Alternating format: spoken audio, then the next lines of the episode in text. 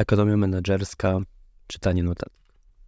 Ekonomia menedżerska zajmuje się analizą istotnych decyzji podejmowanych przez menedżerów przy użyciu narzędzi stosowanych przez ekonomistów.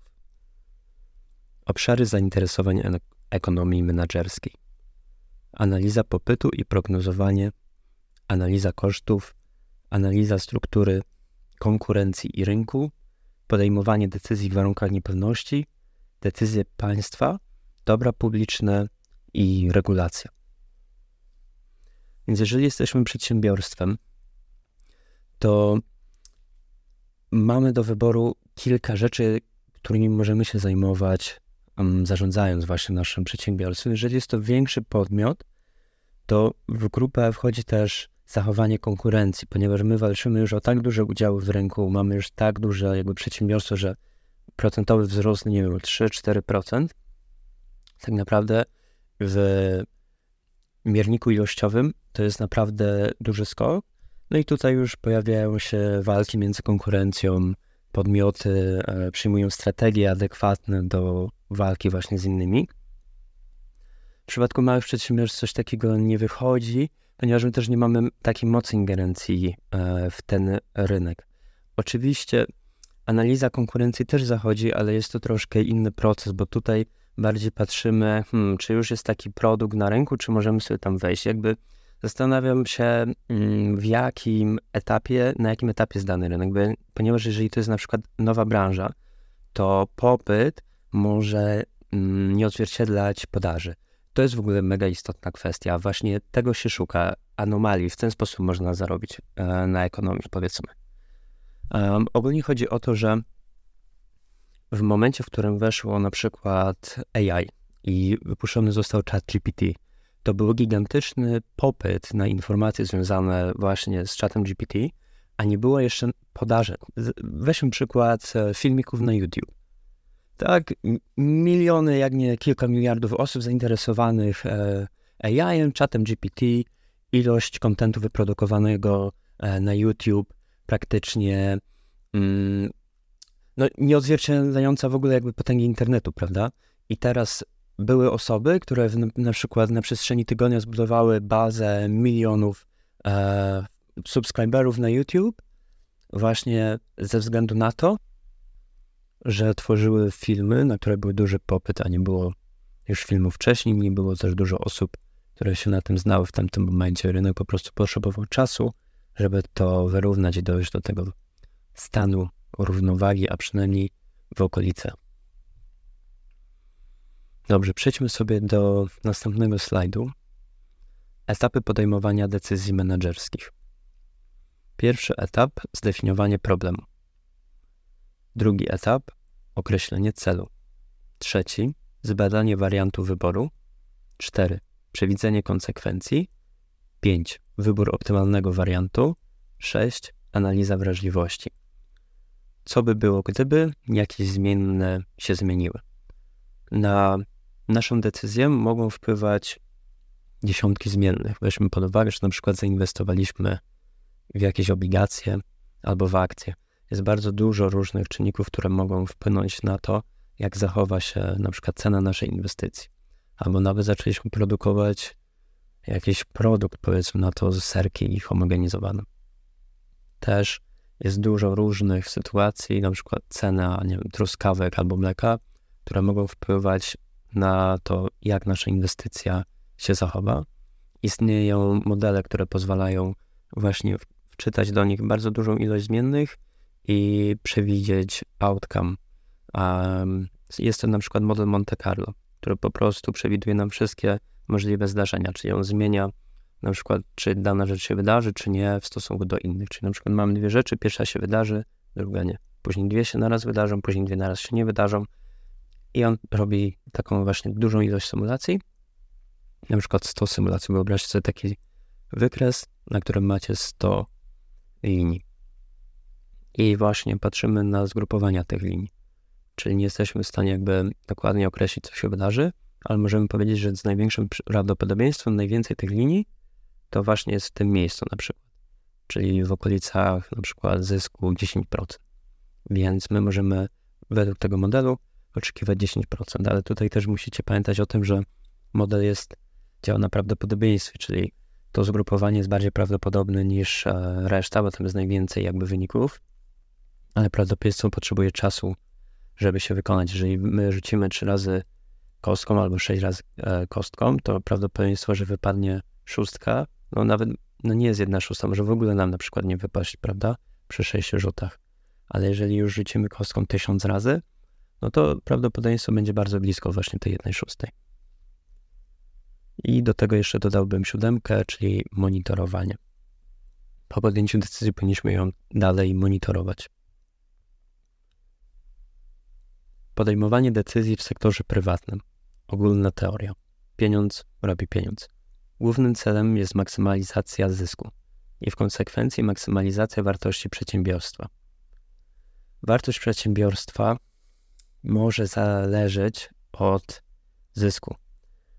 I tutaj mm, może to być tak napisane wprost, ze względu na to, że w świecie finansowym istnieje wycena, czyli wartość, no właśnie to jest wartość przedsiębiorstwa. Ach, to jest, e, tutaj jest wysłówko użyte. Jest różnica między realną wartością przedsiębiorstwa a wyceną przedsiębiorstwa. Jeżeli my maksymalizujemy zysk, to wtedy maksymalizujemy wycenę przedsiębiorstwa. Bo wycena przedsiębiorstwa bazuje na tym, cena jakby akcji, którą analityk jakby wlicza, ile jest warta, bazuje głównie na przyszłych pieniądzach, czyli ile firma będzie zarabiać w przyszłości. Tutaj mm, w prezentacji jest podane wartość przedsiębiorstwa jest równa, ten jest jakieś inne słówko użyte, to zmieniłem na zdyskontowanej wartości strumienia przyszłych zysków. I dyskonto to jest właśnie taki oficjalny jakby termin, który określa um, stratę na wartości z czasem pieniądza. Czyli powiedzmy, jak ty mi dasz 100 zł, ja ci je oddam za rok, no to będzie mniej warte, prawda? Bo inflacja i tak dalej. I to jest właśnie to dyskonto, że przepływy pieniężne w tym roku są więcej warte niż te za 10 lat, więc trzeba to uwzględnić oczywiście. No i ta teoria właśnie mówi, że E, te teorie menedżerskie, że właśnie maksymalizujemy te zyski, no bo to e, maksymalizuje wartość przedsiębiorstwa, no ale czasami może być tak, że wy zmaksymalizujecie zyski i spierdolicie przedsiębiorstwo. Więc na to też trzeba, trzeba uważać, szczególnie e, zajmując się obniżaniem kosztów w przedsiębiorstwie. Dobra. Podejmowanie decyzji w sektorze prywatnym. Model postępowania zadowalającego. Tutaj skomentowałem wybór efektywnego Mm, możliwego rozwiązania zamiast szukania magicznego optimum. Powszechne, gdy zidentyfikowane lub wprowadzenie, e, powszechne, gdy zidentyfikowanie lub wprowadzenie innych, potencjalnie na przykład bardziej zyskownych wariantów decyzji jest skomplikowane i drogie. Podejmowanie decyzji w sektorze prywatnym, model behawioralny. Przedsiębiorstwo dąży do maksymalizacji wielkości sprzedaży nawet za cenę niskiej zyskowności i do maksymalizacji udziału w rynku. Kochamy wzrost przychodów. Wiąże się to z postrzeganiem przez opinię publiczną dużego udziału w rynku jako mocnej strony przedsiębiorstwa. Podstawą może być też uzależnienie wysokości wynagrodzeń menedżerów od wielkości sprzedaży. Model behawioralny mm, ogólnie mówi o jakby psychologii na rynku. I powiem Wam tak, że ten model behawioralny niesie ze sobą bardzo dużo mm, negatywnych e, konotacji. Zacznijmy od dołu, bo tutaj myślę, że mam najciekawszy przykład, czyli podstawą może być uzależnienie wysokości wynagrodzeń menadżerów od, wysoko, od wielkości sprzedaży. Co to znaczy, że im więcej firma sprzeda, tym więcej menadżer zarobi. Co robi wtedy taki menadżer? Nie myśli długoterminowo. On chce szybko zarobić i spierdolić stamtąd.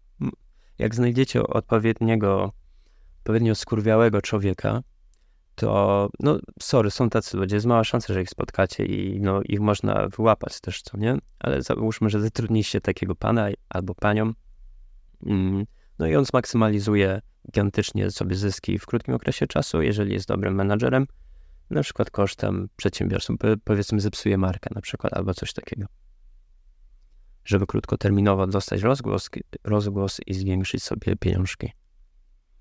Dobra? Dwójka to było wiąże się to z postrzeganiem przez opinię publiczną dużego udziału w rynku jako mocnej strony przedsiębiorstwa. To nie jest do końca prawda, ponieważ w momencie, w którym mamy gigantyczne przedsiębiorstwo, to ono nie ma już możliwości wzrostu. Najlepszy okres, jakby najlepsza wielkość przedsiębiorstwa jest w stosunku do ogólnie zajętego rynku, czyli wy patrzycie, jaki jest popyt, tak, jaka jest podaż, czyli w momencie, w którym macie dużo malutkich przedsiębiorstw i jest gigantyczne pole rozwoju, wtedy jest dobrze. Jak jest gigantyczne przedsiębiorstwo, tylko jak jest gigantyczne pole do rozwoju. Duża firma też jest e, traktowana często jako lepsza od małej firmy, ale to jest błąd. Nie ma znaczenia, jak duża jest firma. Dobra, i jedynka przedsiębiorstwo dąży do maksymalizacji wielkości sprzedaży, nawet za niską cenę, e, nawet za cenę niskiej zyskowności, do maksymalizacji udziału w rynku. No, to akurat nie wiem, w sensie, okej, okay. No to jest taki jakby przykład, co firma robi, żeby ten model behawioralny zwiększyć, bo ludzie coś myślą. Równie dobrze mogłaby na przykład uznać, że teraz popularne jest artificial intelligence, to ona mimo, że produkuje mleko, to teraz e, do krów będzie mówić sztuczna inteligencja, nie wiem, cokolwiek, co nie? I to jest właśnie ten model behawioralny, że wpływamy jakby na to, co ludzie sobie pomyślą. E, ślisko ogólnie. Dobra. Next to jest podejmowanie decyzji w sektorze prywatnym. Model społecznej odpowiedzialności biznesu. Um, narysowałem obok zielony listek i to jest w skrócie to. Społeczna odpowiedzialność biznesu. No ja niestety nie jestem ekspertem, ale powstał taki, takie hasło jakby ESG, ESG. Poczytajcie sobie o, o ESG i będziecie mieć, tam, tam są różne właśnie sektory, bo to nie jest tylko, nie możecie produkować spalin z ratatata, tylko to też jest, nie możecie wykorzystywać pracownika. Marx by się z tym nie zgodził, powiedział, słuchajcie, waszym celem jest wykorzystywanie pracownika, ale co inna kwestia. Hmm. Tutaj myślę, że też powiązany jest taki model zyskowności z tym, czyli mamy zyskość, zyskowność jakby społeczną, ekonomiczną, a mamy typowo pieniężną. Czyli w momencie, w którym my na przykład zanieczyszczamy środowisko i zarabiamy hajs, no to my jakby jesteśmy zyskowni, ale tak ogólnie rzecz biorąc ludzkość no nie do końca. I tutaj właśnie mówimy czasami o takim bardziej społecznym, jakby społecznej roli biznesu, tak, która ma wpływać pozytywnie na otoczenie. No, problem jest taki, że biznes jest wartością prywatną, co nie? I nie może, i państwo właśnie próbuje i wchodzi tak naprawdę i mówi, e, tego nie możesz robić, masz robić tak, jak my chcemy. No, teoretycznie spoko, co nie? No, ale tutaj musicie uważać na to, kto wydaje te prawa, bo jeżeli macie jakiegoś debila, no to on zepsuje wam gospodarkę. Jeżeli macie kogoś mądrego, to on wam ją polepszy. To wszystko zależy właśnie od decyzji politycznych, które są aktualnie, no nie wiem. Ja się zacząłem ostatnio delikatnie interesować polityką i powiem wam, że jest o wiele gorzej niż myślałem, bo ja się tym w ogóle nie interesowałem, ale jest masakra. E, ale ja też się nie znam na tym, co nie? Jakby mam nadzieję, że łapaliście też, że dopiero się zacząłem tym interesować, nie? Tak mi się tylko wydaje. Dobra. Podejmowanie decyzji w sektorze publicznym. Cel wzrost dobrobytu społeczeństwa. Metoda wspomagająca decyzje to może być na przykład analiza kosztów i korzyści. Tutaj patrzymy na to tak z perspektywy inwestora, czyli my na przykład mamy jakieś tam finanse publiczne albo jakieś przedsiębiorstwo publiczne, podejmujemy jakąś decyzję i chcemy zobaczyć, jaki będzie tego outcome. I tutaj też um, myślę, że powinniśmy bardziej patrzeć właśnie nie pieniężnie, tylko tak bardziej społecznie. Czy dana rzecz pomoże ludziom, czy um, pogorszy ich sytuację ekonomiczną, bo inwestycje państwa nie muszą być bezpośrednio zyskowne. Oczywiście, jeżeli chcemy utrzymać dobry stan e, fundusz, jakby um, skarbu państwa, to musimy patrzeć na to, czy zyski wywołane naszymi inwestycjami są większe od kosztów, ale tu musimy pamiętać o tym, że państwo może zarabiać nie bezpośrednio. To znaczy, jeżeli najlepiej jest to na przykładzie wytłumaczyć. Jeżeli tworzymy linię kolejową Opole Kołobrzeg i ta linia kolejowa nie zarabia, czyli tyle osób nią jeździ, że nie wystarcza na jakiś zysk. Na przykład na każdym pasażerze jesteśmy stratni średnio złotówkę, to dla państwa ta sama linia, która też jest stratna złotówkę, może być rentowna, bo jeżeli na przykład ci ludzie dojeżdżali sobie do pracy albo jeździli, nie wiem, na basen albo coś takiego i wydawali pieniądze, zwiększali GDP, um, zwiększali jakby obrót, rynek, tak, chodzić do pracy, płacili podatki, VAT, różne inne dochodowe, to państwo mogą zarobić właśnie w ten sposób nie, bez, nie bezpośrednio. Teraz przechodzimy do analizy utargu. Analiza utargu opiera się na prawie popytu. Znając funkcję popytu, można przewidzieć, jaka będzie wielkość sprzedaży różnych, przy różnych cenach. Przedsiębiorstwo wykorzystuje krzywą popytu, aby obliczyć optymalną produkcję i zmaksymalizować zysk. Ile wyprodukować, aby zmaksymalizować zysk? Tutaj jest taka idea, że wraz z, produk- wraz z yy, produkcją, tak, spada nam zysk.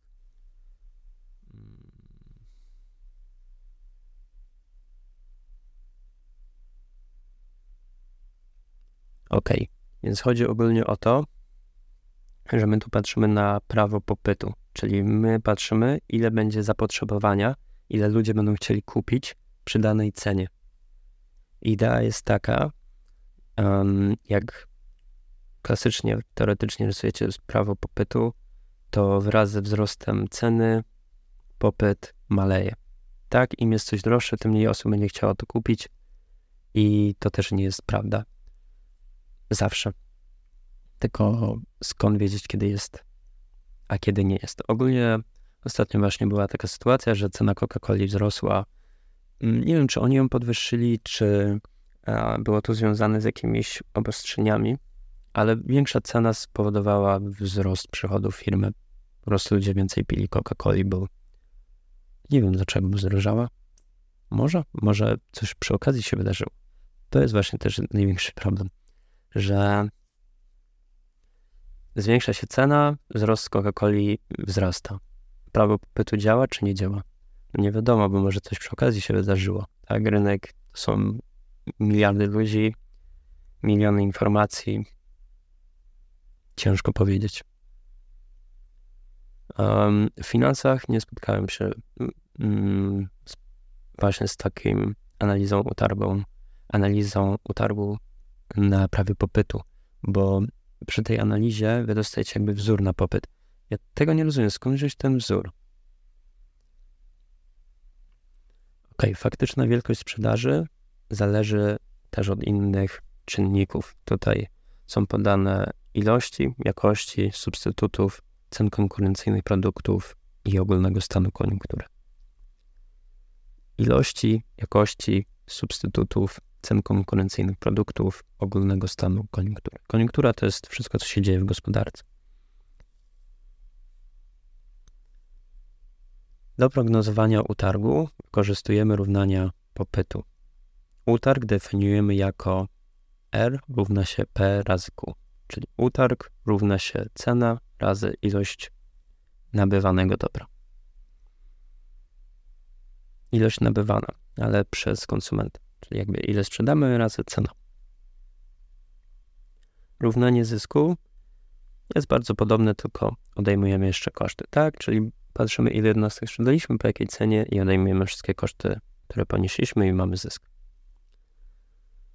Zysk krańcowy to zmiana całkowitego zysku w odpowiedzi na zmianę ilości produkowanych jednostek o jedną dodatkową. Ogólnie zastanawiamy się często, przy jakiej produkcji zysk krańcowy jest równy 0, czyli jakie jest maksimum opłacalnej produkcji. Bierzemy sobie wzór zysku P razy Q minus C i zastanawiamy się, dla jakiej wielkości produkcji będzie największy. Robi się to pochodnymi albo szukając wierzchołka funkcji zysku. Współrzędna x wierzchołka równa się ilość produkcji, która da największy zysk. W skrócie sprawdzasz dla jakiej wartości Q, czyli po prostu ilości produkcji, ilości sprzedaży, zysk jest największy dla wzoru zysku. P razy Q minus C.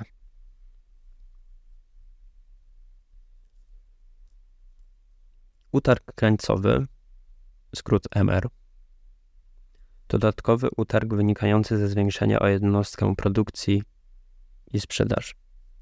Oblicza się go po prostu szukając takiego Q, dla jakiego jest największy utarg, podobnie jak zysk krańcowy.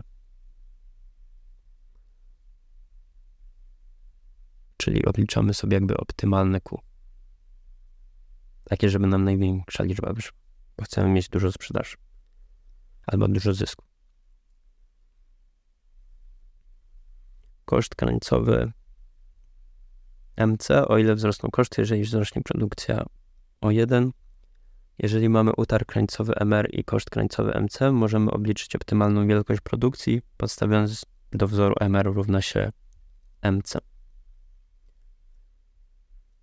Programowanie liniowe, metoda formułowania i rozwiązywania problemów decyzyjnych w warunkach istnienia ograniczonych zasobów. To jest po prostu takie logiczne myślenie przy użyciu trochę matematyki.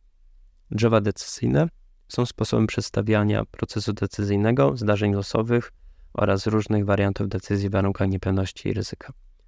Pozwalają wizualnie prześledzić drogę rozumowania. Wyobraźcie sobie takie drzewo, że rysujecie sobie kółeczko, od niego dwie strzałeczki i tam są kółeczka. Nie? Czyli zaczynacie z jakiegoś miejsca i macie dwie drogi wyboru. I później na przykład jak pójdziecie w lewo, to znowu macie jeszcze jedną możecie zrobić. I to się tak rozrasta. To, I wychodzi właśnie z tego takie, takie trochę drzewko i tam możecie wybrać sobie ścieżkę tym drzewkiem. Po prostu wszystkie możliwe decyzje na danym etapie wypisujecie i później możecie z tego korzystać, żeby się poruszać po prawdziwym świecie. Też taki myślę, że po prostu wysoki poziom logicznego myślenia. Analiza kosztów i korzyści. Mamy tutaj trzy etapy. Zidentyfikowanie skutków, wycena w pieniądzu korzyści i kosztów, podjęcie działania tylko wtedy, gdy korzyść społeczna netto jest dodatnia. Korzyść społeczna netto, nadwyżka całkowitych korzyści nad całkowitymi kosztami. Celem jest zwiększenie efektywności ekonomicznej. Analiza ekonomiczna, no to jest też to, czego nie widać, bo analiza taka, um, sorry, korzyść społeczna netto, co nie? To też taka rzecz, której nie widać, bo jakbyśmy mieli po prostu zysk, no to da się go obliczyć, tak? To jest albo pieniążki na plusie, albo na minusie. A jak patrzymy bardziej ogółowo, no to to mogą być różne rzeczy. To może na przykład wchodzić to, ile my osób obraziliśmy, ile osób zginęło, ile osób jest chorych, jak zepsuliśmy środowisko i tak dalej, i tak dalej. Oczywiście też pozytywne rzeczy mogą wchodzić. I też koszt alternatywny, czyli na przykład czym nie mieliśmy czasem lepszej możliwości zainwestowania. Analiza kosztów i korzyści. Część druga. Maksymalna społeczna korzyść netto jest osiągana, gdy korzyść krańcowa zrównuje się z kosztem krańcowym. Tutaj możemy skorzystać ze wzorów MSK równa się MC. I patrzymy dla jakiego Q mm, to będzie równe.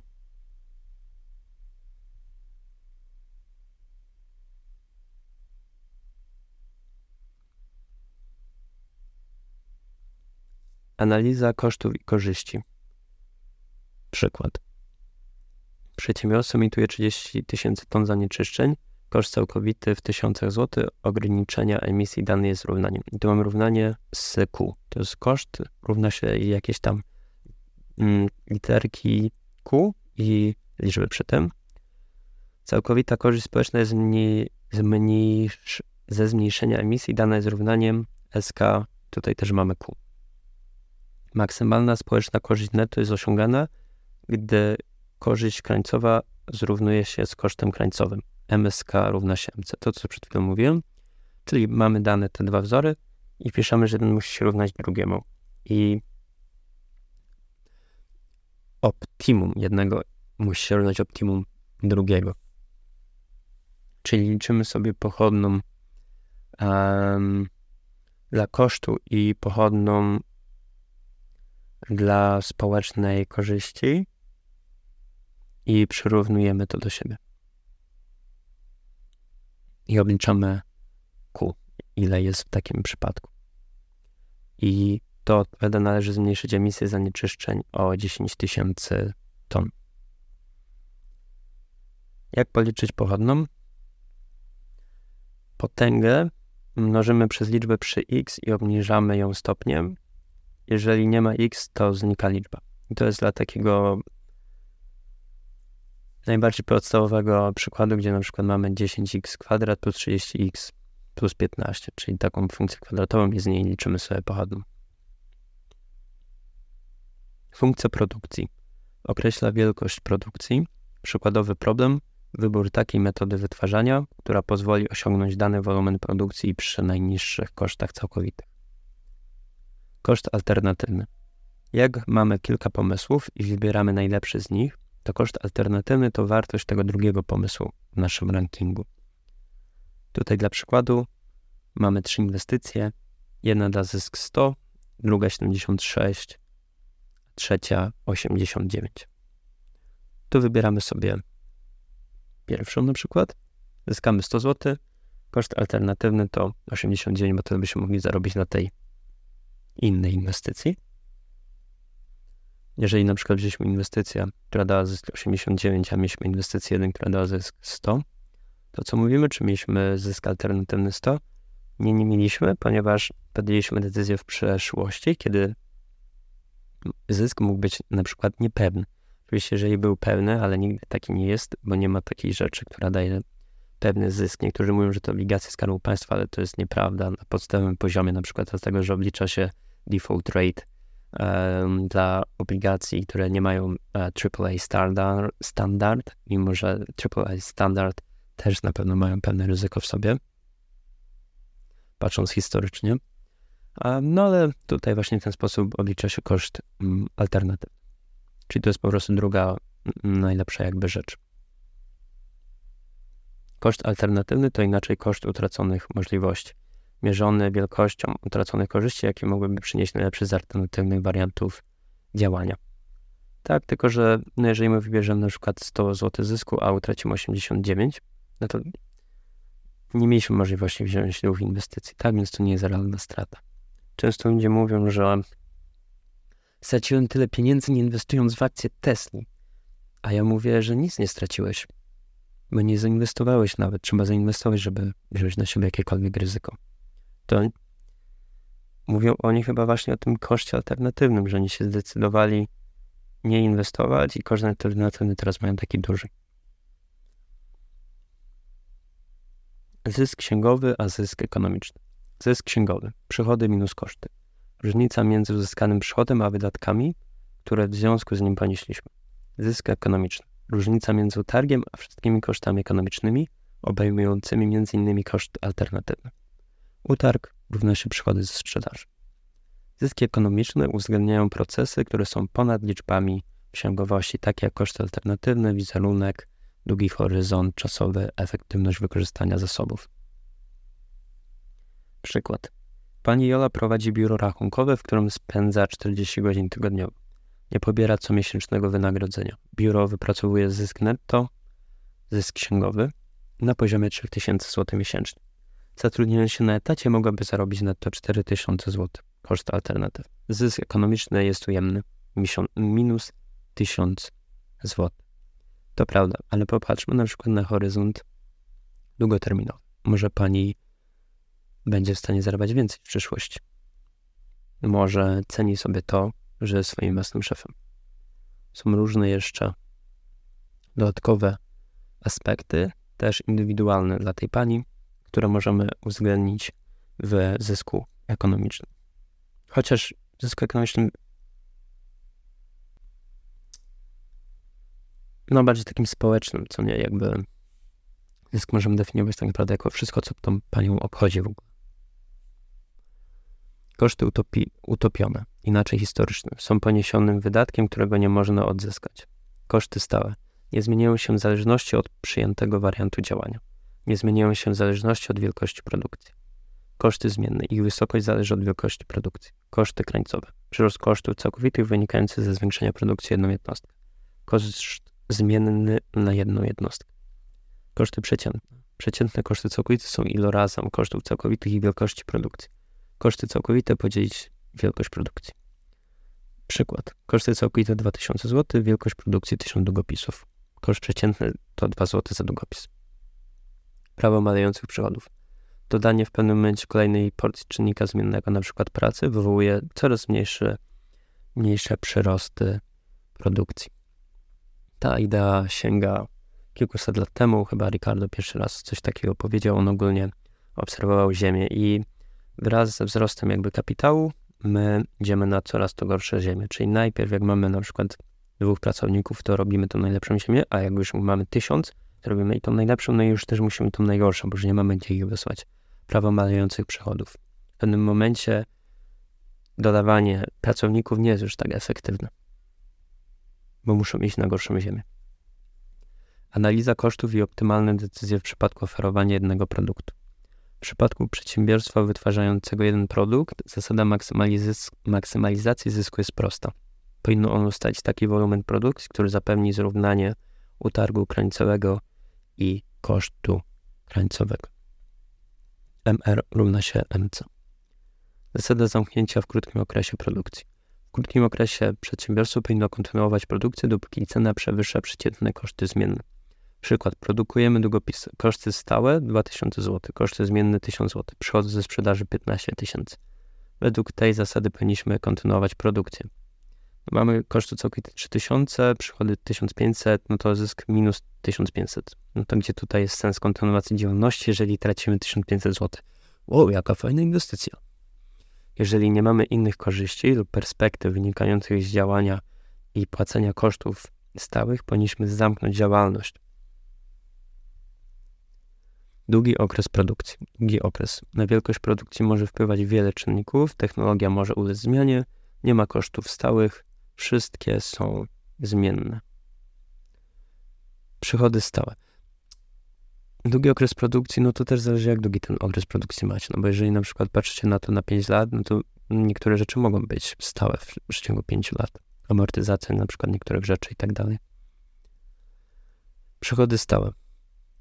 Produkcja rośnie w takim samym stopniu jak wzrosty nakładów czynników produkcji. Przychody rosnące. Produkcja rośnie w większym stopniu niż wzrosty nakładów czynników produkcji. Przychody malejące. Produkcja rośnie w mniejszym stopniu niż wzrosty nakładów czynników produkcji. Czyli jeżeli wy na przykład kupicie kapitał za 100 zł i ten kapitał sprawi, że produkcja wzrośnie o 200 zł, no to tutaj macie właśnie przychody rosnące. Jeżeli jest idealne odzwierciedlenie, to stałe, a jeżeli odwrotne, to jest malejące. Ogólnie zawsze jest tak, że rentowność mm, aktywów mm, bardziej patrzymy na zysk wtedy. Bo no zysk tak naprawdę nas obchodzi, bo inwestycja jest po to, żeby zarobić z niej pieniądze, co nie? Oczywiście no tam też mamy te społeczne wartości, które reprezentuje na przykład nasza firma, no i nie chcemy inwestować na przykład w Nestle, które morduje dzieci w Afryce, albo jakiegoś innego typu dziwne koncerny, które wykorzystują ludzkość na niebotyczną skalę. Ale mamy takie wskaźniki jak return on assets, czyli zwrot na przykład z aktywów, czy jak coś sobie tam kupimy, to jaki procent mm, ceny to nam zarobi w ciągu roku. Czy jak na przykład kupimy nożyczki za 100 zł, one nam dają zysk 20 zł w ciągu roku, no to rentowność aktywów to będzie właśnie tam 20%. Zasada zamknięcia w długim okresie produkcji. W długim okresie wszystkie czynniki produkcji i koszty są zmienne. Przedsiębiorstwo powinno kontynuować produkcję tylko wówczas, gdy przewiduje osiąganie nieujemnego zysku ekonomicznego wzrost popytu, a zasada zamknięcia. W długim okresie na przykład może dojść do zmiany sytuacji rynkowej, tak? Może wzrosnąć mocno popyt i wtedy możemy już nie musieć zamykać naszego przedsiębiorstwa. Chyba właśnie o to w tym chodzi. Nachylenie krzywej popytu. Krzywa popytu ma nachylenie dodatnie, kiedy w tym samym czasie wzrasta cena i popyt na dane dobro. Elastyczność cenowa popytu. Stosunek procentowej zmiany popytu do procentowej zmiany cen. Jak mamy znaczek taki procent i trójkącik, to znaczy procentowa zmiana, to jest procent deltas. Elastyczność cenowa popytu. Jeżeli elastyczność cenowa jest poniżej 1, jest to popyt mało elastyczny. Jeżeli zrówna 1, jest to popyt proporcjonalnie elastyczny. Jeżeli jest większy od 1, jest to popyt elastyczny. Przykład. Popyt wzrósł o 50%, cena o 100%. Elastyczność popytu 50 podzielić na 100 czyli popyt dzielony na cenę. Chodzi jedna druga. Jest to popyt mało elastyczny. Popyt elastyczny. Wraz ze spadkiem ceny jest wzrost przychodów, wraz ze wzrostem ceny jest spadek przychodów. Popyt nieelastyczny.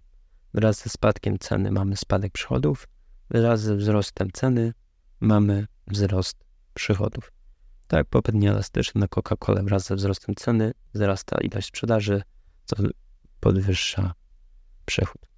Możemy to też mm, czegoś takiego doznać na dobrach, które ludzie muszą konsumować. Jeżeli na świecie jest jeden dostawca wody, a ludzie muszą pić wodę, to jak on podwyższy?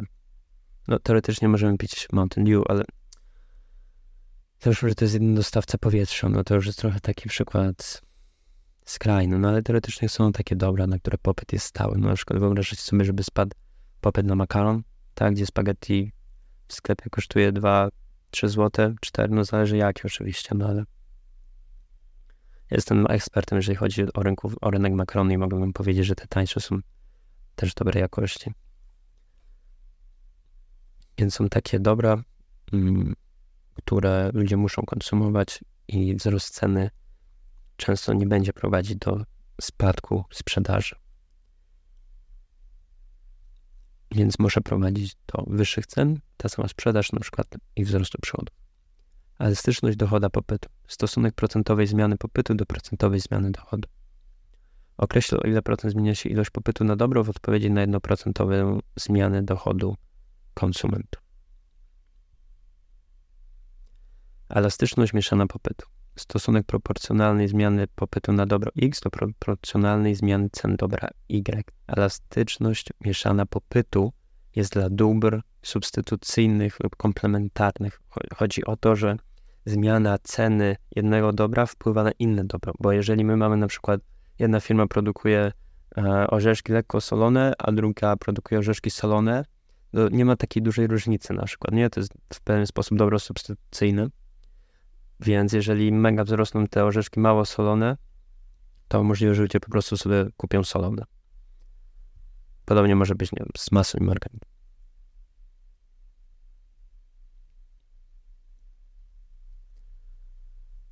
Poznana wcześniej zasada MR równa się MC. Zasadę tę można przekształcić i zapisać następująco. Tworzymy właśnie równanie P minus MC dzielone na P równa się 1 minus 1 dzielone na EP. Jest to zasada optymalnego narzutu na koszty. To oznacza, że wielkość stosowanego przez przedsiębiorstwo narzutu, narzut ponad koszt krańcowy wyrażonego jako procent ceny, będącego podstawą konkurencji konstrukcji ceny, jest odwrotnie proporcjonalna do cenowej elastyczności popytu na dane dobro. Osobiście nic nie rozumiem. Przechodzimy dalej. To już koniec. To był właśnie ostatni slajd. On jest nieopracowany, to jest jakiś wzór. Nie wiem w ogóle po co to czytałem. Nieopracowany dlaczego? Bo nie wiem, co tam się dzieje. I tym miłym akcentem dziękuję Ci za odsłuchanie całego odcinka. Życzę Ci miłego dnia i mam nadzieję, że wszystko u Ciebie jest w porządku. Trzymaj się.